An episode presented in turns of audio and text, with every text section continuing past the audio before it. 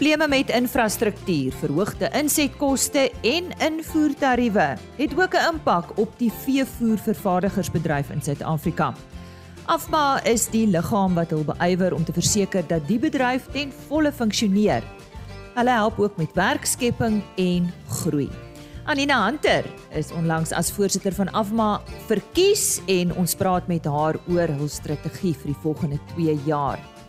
Volgens voorspellings word nog baie reën vir die somerreënvalgebiede verwag en ons hoor eh, binnekort wat sê Johan van der Berg daaroor. Frans de Klerk, die onafhanklike tegniese analis, gesels met ons boere oor die belegging in Bitcoin. Ons Chris Derksen ook ver oggend op sy pos met hierdie week se vleispryse.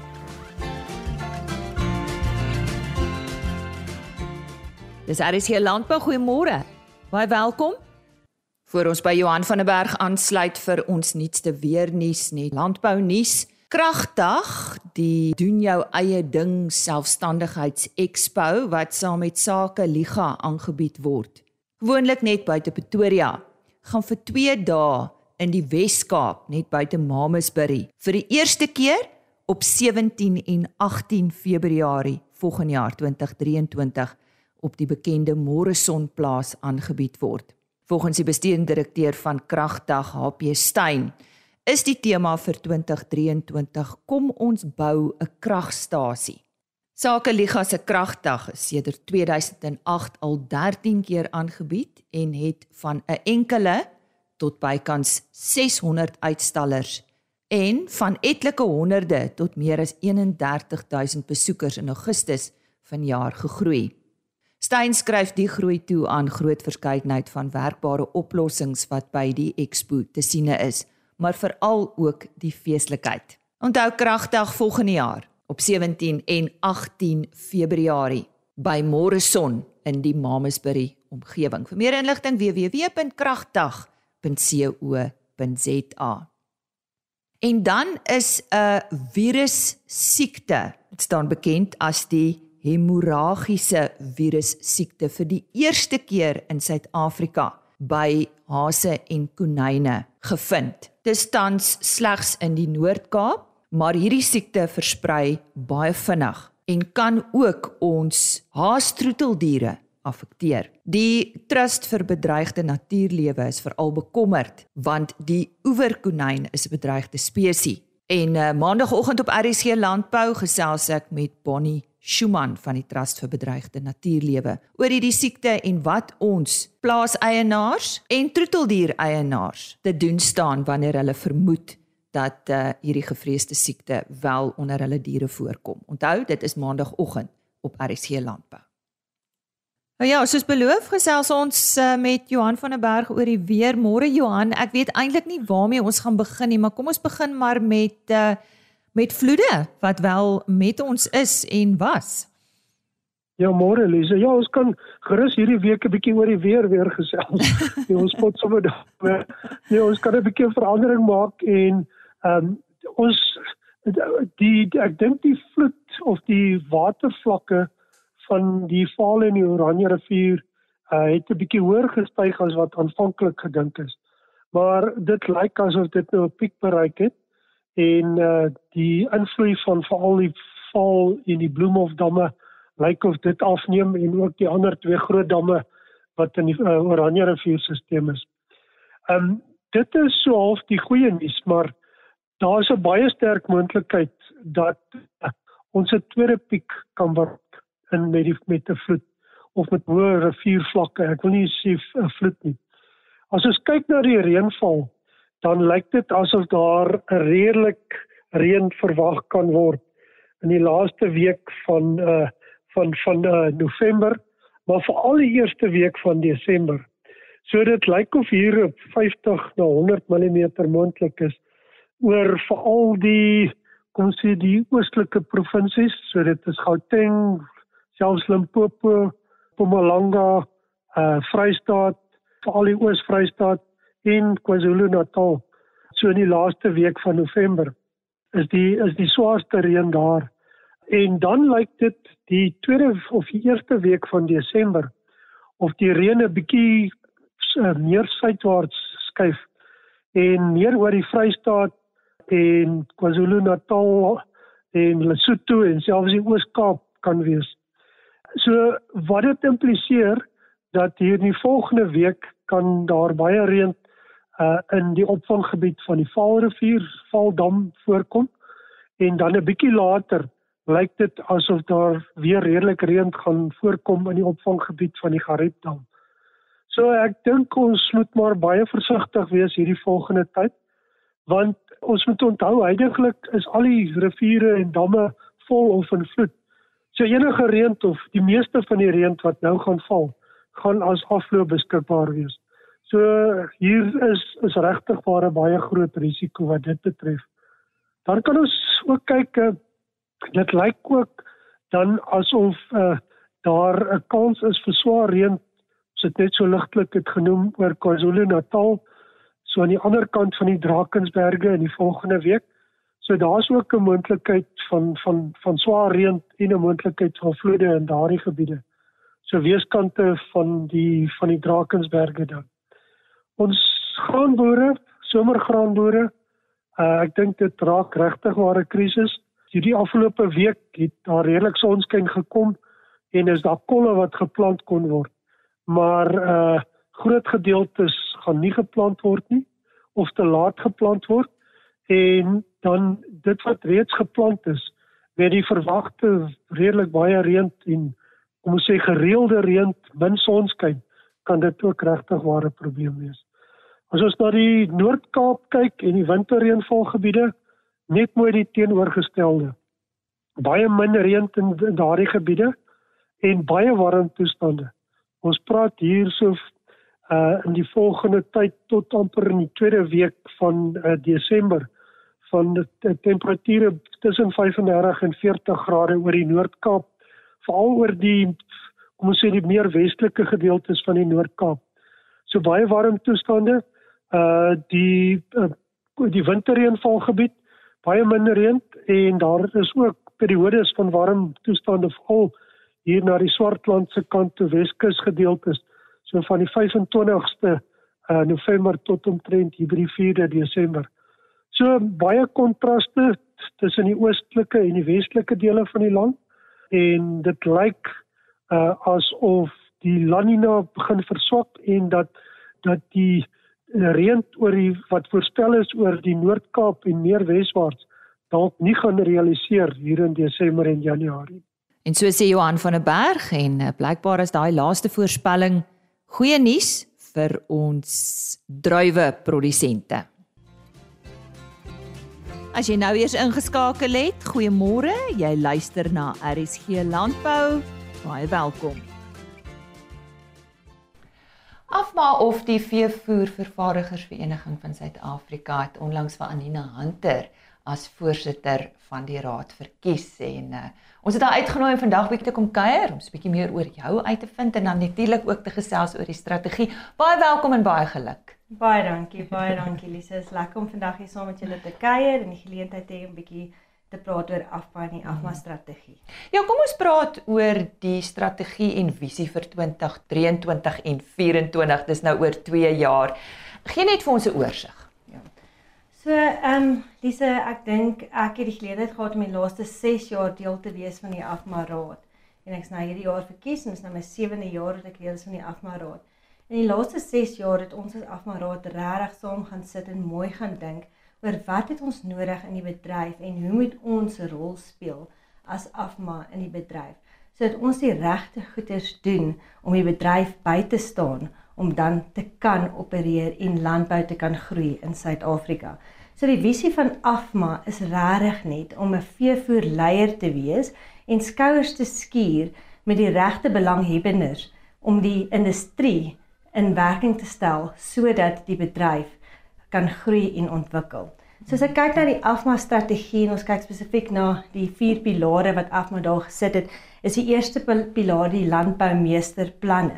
As ons kyk na die landboumeesterplan die korttermyn impak, het ons almal gehoor van die pleinveemeesterplan in die laaste tyd in die media en ons weet dat minister Patel besluit het om dit op hou te sit die tariewe vir die volgende 12 maande. Hy het dit nie afgeskaf nie, maar hy het op hou gesit om die bedryf en ons verbruikers te kan bystaan met die hoë voedselpryse en inflasie heidaglik. Ons sien ongelukkig nie dit deurtrek op hierdie stadium nie. Ehm um, en voedselpryse se vooruitskatting is definitief dat daar 'n opwaartse tendens is. Die tweede pilaar van die afma ehm um, strategie dan is om industrieopleiding en ontwikkeling te doen. Ek dink as net gaan kyk na werksgeleenthede en werkloosheid in Suid-Afrika, kan die landbouwaardeketting 'n groot rol speel om 'n groot gaping daar toe te maak. En binne in die bedryf help Afma dan om opleiding te doen en voorbereiding te doen vir mense spesifiek in die landboubedryf en veevoere want veevoere is nie so eenvoudig nie. Enige ingenieur of gegradueerde kan nie net instap in 'n veevoerfabriek en weet wat daar aangaan. Dit is baie spesifiek as ons kyk na die stoom en die druk mm. en al die stelsels waarmee ons werk, is regtig 'n kuns op sy eie om te bedryf en Afma speel 'n groot rol om mense daar opleiding te gee en te ontwikkel. As ons ook dan gaan kyk na Afma se rol as industrie reguleerder, um, is ons al 'n paar jaar besig met ons feedsbill. Ons gaan bietjie in die langtermyn strategie praat oor die feedsbill, maar as ons kyk na die korttermyn, die rol wat Afma gespeel het in COVID, net om die werkspermitte in plek te kry sodat die kritiese dienste kan voortgaan. Jy weet ons as Afma speel 'n groot rol in ons voedselsekuriteit in Suid-Afrika en ons moet verseker dat die proteïene wel beskikbaar is vir ons uitverbruiker. Een van ons groot proteïenbronne soos jy weet is hoender, maar dan ook melkprodukte, eierprodukte, alle vleisprodukte, skaap en beesprodukte. So Afma het 'n rol gespeel om seker te maak die bedryf kan voortgaan. Dan was daar ook 'n groot risiko tydens COVID wat ons moes gaan kyk het na wat ingevoer word wat nie lokaal beskikbaar is nie om in ons ehm um, veevoervervaardiging te gebruik en Afma het seker gemaak dat die hawes ook kan voortgaan en dat die produkte nie uithardloop en dat ons punt kom wat ons nie die die diere die ideale samestelling van voer kan voer nie. So het 'n groot rol daar gespeel. En dan laastens, ek dink die vierde punt waarop af ons strategie regtig moet fokus, is ons mislukkende infrastruktuur wat ons heidaglik in Suid-Afrika sien. En nou kom ons praat oor ons slaggate en ons paaie se veiligheid en ek dink spoor is iets wat ons definitief na moet kyk. Want spoor gaan ons koste afdryf, veral met die hoë brandstofkoste heidaglik, gaan spoor help dat um, ons grondstowwe goedkoop inkom en dan ook die risiko wat saamgaan met elektrisiteit, Eskom en die munisipaliteite en watervoorsiening um, in ons waardeketting is ongelooflik groot en daarmee moet ons ook 'n rol speel om ons bedryf by te staan en te help. Nou ja, dis heel wat wat moet nog moet gebeur. Dit is nou oor 2 jaar 2022 23 en 24 hoe pas dit nou in in Afma se langtermynstrategie? Ja, so as ons dan kyk na die langtermynstrategie van Afma, dan bly dit nog steeds by die vier punte wat ons genoem het. So net om terug te kom, dis dan ons landboumeesterplanne wat ons kan oor uitbrei, ons industrie regulering en ons vaardigheid wat ons daar moet ontwikkel, opleiding en vaardighede um, van ons bedryf en dan laastens die mislukkende infrastruktuur het ook 'n langer termyn um, effek. So as ons gaan kyk na die landbou meesterplanne, is daar verskeie meesterplanne in plek. Een van die um meesterplanne wat ek dink baie suksesvol is op hierdie stadium is ons soja waardeketting um projek wat ons aangepak het 'n paar jaar terug. En as jy gaan kyk wat daar gebeur is dat ons dit as 'n industrie begin saam staan sê ons moet selfvoorsienend raak van ons grondstowwe binne in Suid-Afrika.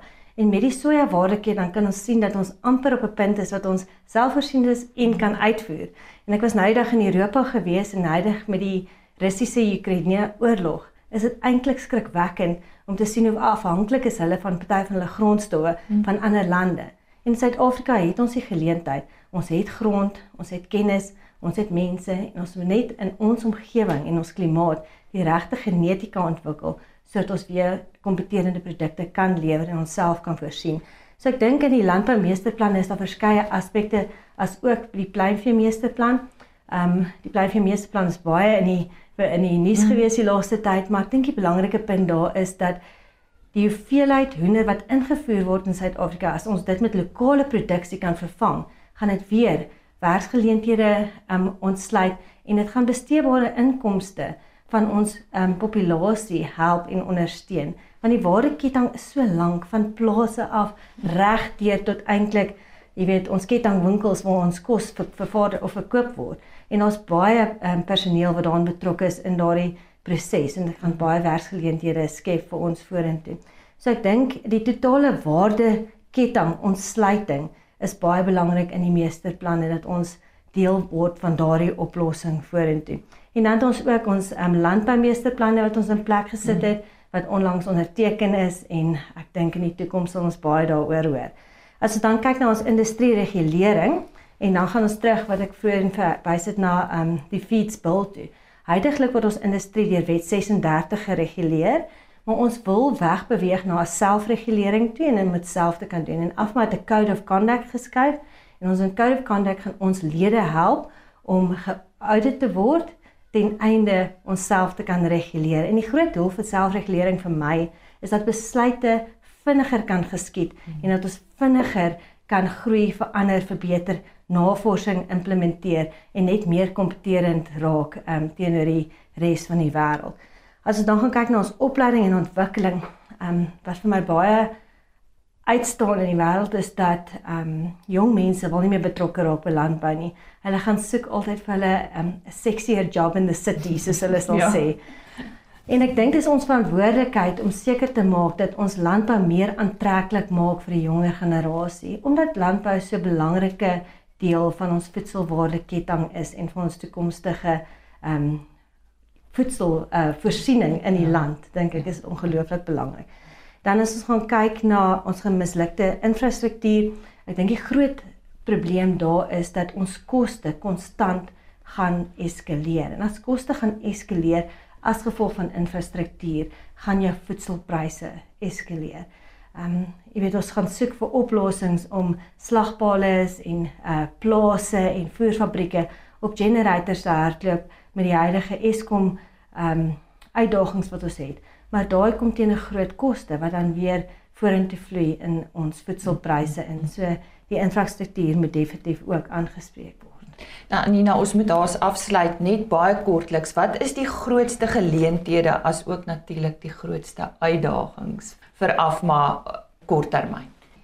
Ek dink um, die grootste geleentheid vir Afma en die industrie is om hande te vat met regering en dan die regte oplossings te kry vir die landbou vorentoe. Ek is vas oortuig dat ons in Suid-Afrika daai oplossings gaan kry as ons saamwerk. Dit gaan alles oor samewerking en mekaar te ondersteun ten einde die land te groei. Anina baie dankie. Dankie. Die voorsitter van Afma Anina Hunter wat vandag met ons gesels het oor Afmaster se strategie, langtermyn en korttermyn.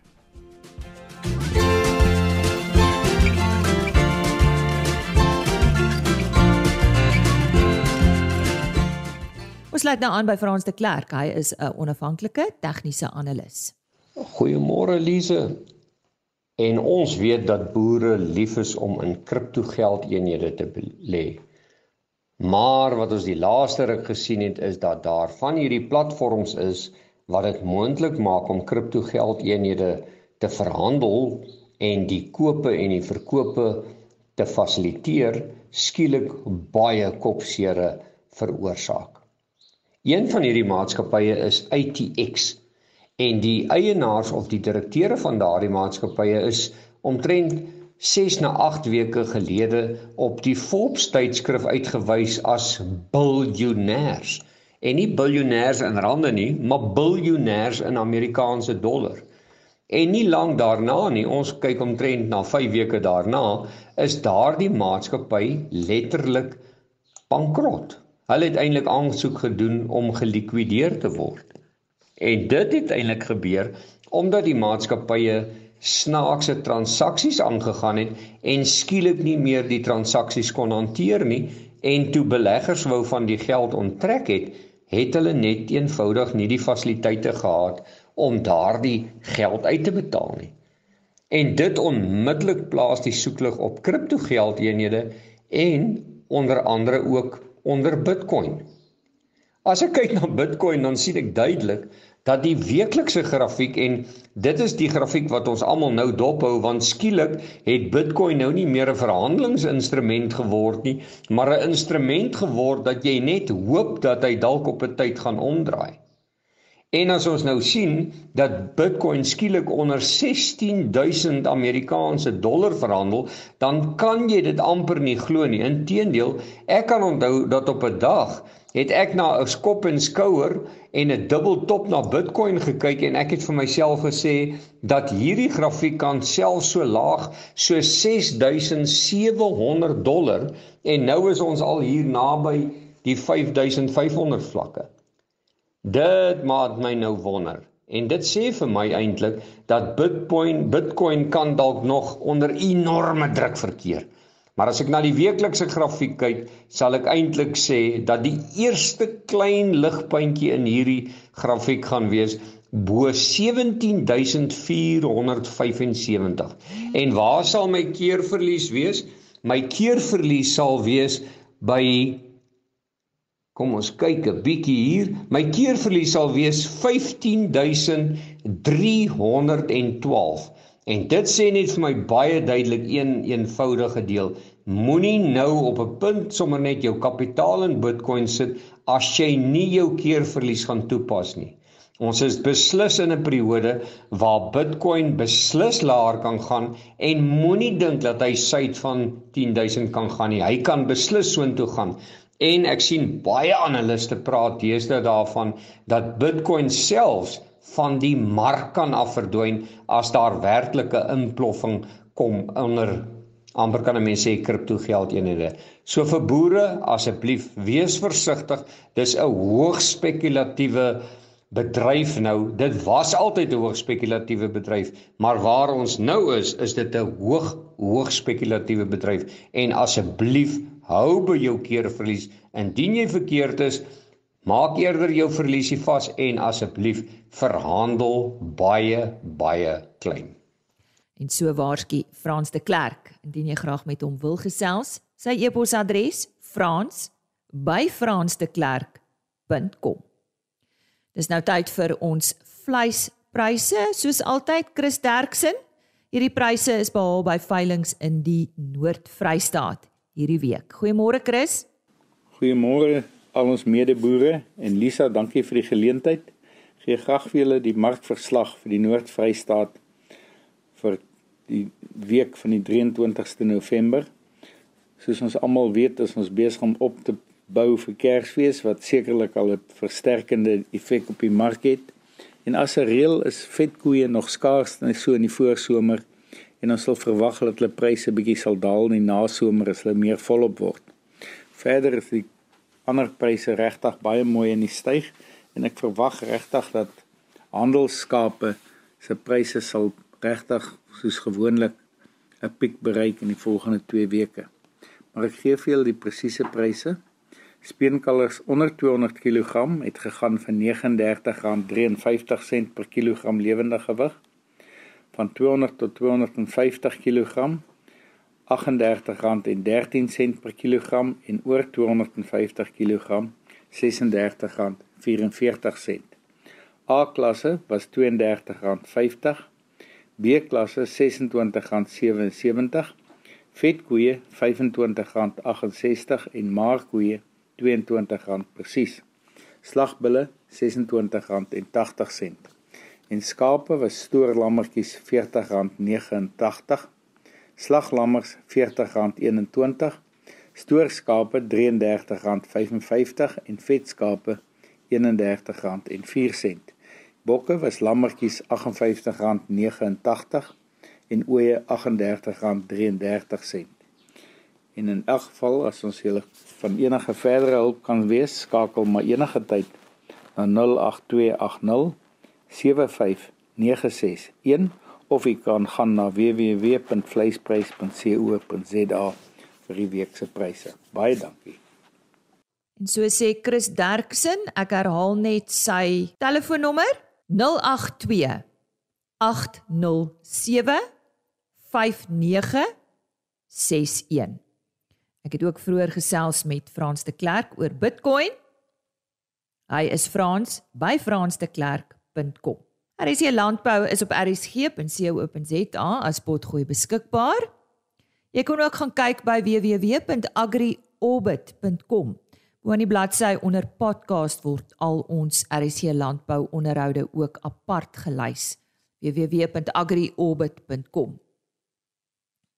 En dan voor ek groet ons uh, e-posadres rsglandbou@plaasmedia.com Ja, die jaar staan ook einde se kant toe. Môre oor 'n week is dit Kersfees. Sterkte met uh, dit wat nog voor lê. Ons is almal maar op 'n drafstap, maar nou ja, geniet daardie drafstap en uh, wees dankbaar.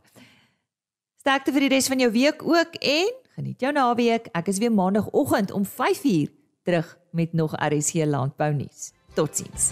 RSC landbou is 'n plaas media produksie met regisseur en aanbieder Lize Roberts en tegniese ondersteuning deur Jolande Rooi.